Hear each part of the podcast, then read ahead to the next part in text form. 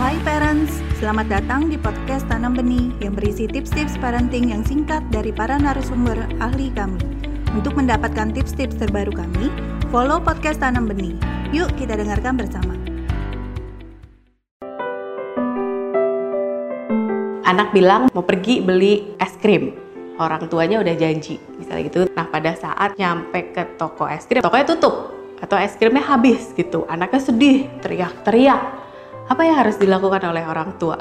Biasanya apa yang terjadi sama orang tua? Ada yang bilangnya, ya udahlah, mau gimana lagi? Orang tokonya tutup, mama juga nggak bisa ngapa-ngapain gitu. Atau misalnya, ya udahlah besok aja deh kita ke sini lagi gitu. Udah jangan manja misalnya gitu kan. Itu kan secara nggak langsung kita melabel anak kita dan kita meniglek perasaan yang sedang dia rasakan. Padahal perasaan itu sebaiknya diterima sama orang tua. Kenapa sih kita juga harus menerima nih si perasaannya anak ini gitu? Karena dengan menerima perasaan anaknya, kita bisa membuat situasinya lebih baik, perilakunya lebih baik sehingga kita bisa berkomunikasi dengan lebih baik. Terima kasih telah mendengarkan podcast Tanam Benih. Jangan lupa follow podcast Tanam Benih. Tidak pernah ada kata terlambat loh untuk belajar.